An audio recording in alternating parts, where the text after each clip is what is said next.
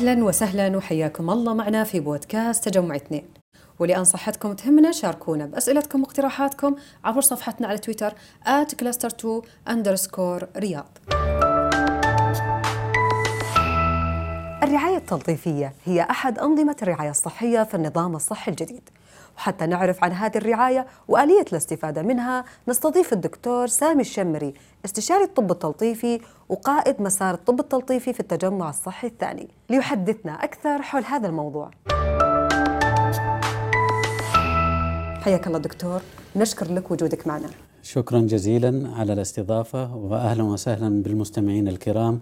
وإن شاء الله أكون ضيف خفيف على فقرتكم. دكتور وش يقصد بالرعاية التلطيفية؟ الرعاية التلطيفية أو الطب التلطيفي هو نهج جديد يعرفه العالم لتخفيف معاناة المرضى. يعد الطب التلطيفي نهجا مناسبا للمرضى في كافة مراحل المرض بمن فيهم الناس الذين يخضعون لعلاج من الأمراض التي يمكن الشفاء منها وأولئك الذين يعانون من الأمراض المزمنة والأشخاص الذين يعانون من الأمراض التي تعتبر صعبة العلاج.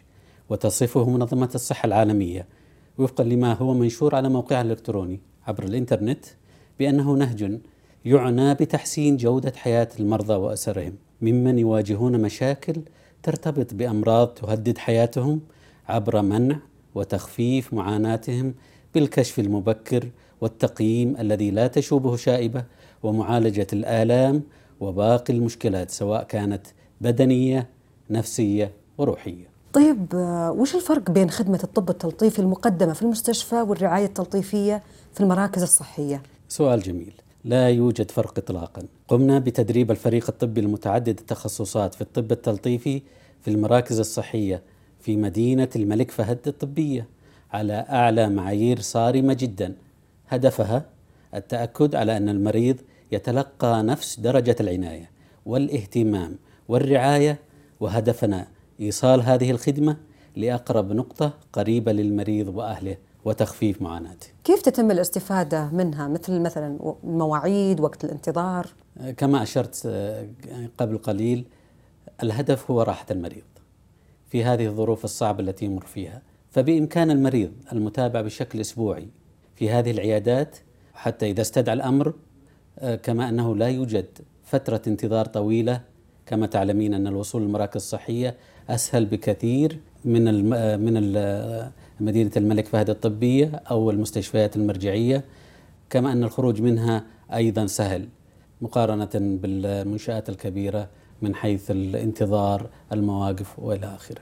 هل راح يكون فريق الرعاية الصحية في المراكز الرعاية الصحية بنفس كفاءة اللي موجودة في المستشفيات أو المدينة الطبية؟ نعم وبكل تأكيد لأننا عمدنا لعمل استبيان بسيط لكل مريض بعد ما يتلقى العلاج والخدمة لهدف بسيط لضمان جودة الرعاية وسماع رضا المريض آه، ورضا المتلقي الذي هو المريض وأهله والذي هو محور اهتمام النظام الصحي الجديد وش يصير إذا احتجت رعاية صحية على مستوى أعلى؟ سؤال أشكرك عليه ودائما المرضى اللي في المراكز الصحية يسألون عنه يقوم الفريق الطبي المتعدد التخصصات في الطب التلطيفي بعمل ما يلزم لانتقال المريض بشكل سلس للخدمة الأعلى بدون معوقات تذكر وذلك لوجود مسار واضح للخدمة تم تفعيلها لتبسيط الإجراءات وتسريعها وخدمة المريض في الختام دكتور إيش أثر تطبيق هذا النموذج من حيث الفعالية والقيمة؟ عملنا دراسة علمية لقياس أثر تطبيق هذا المسار،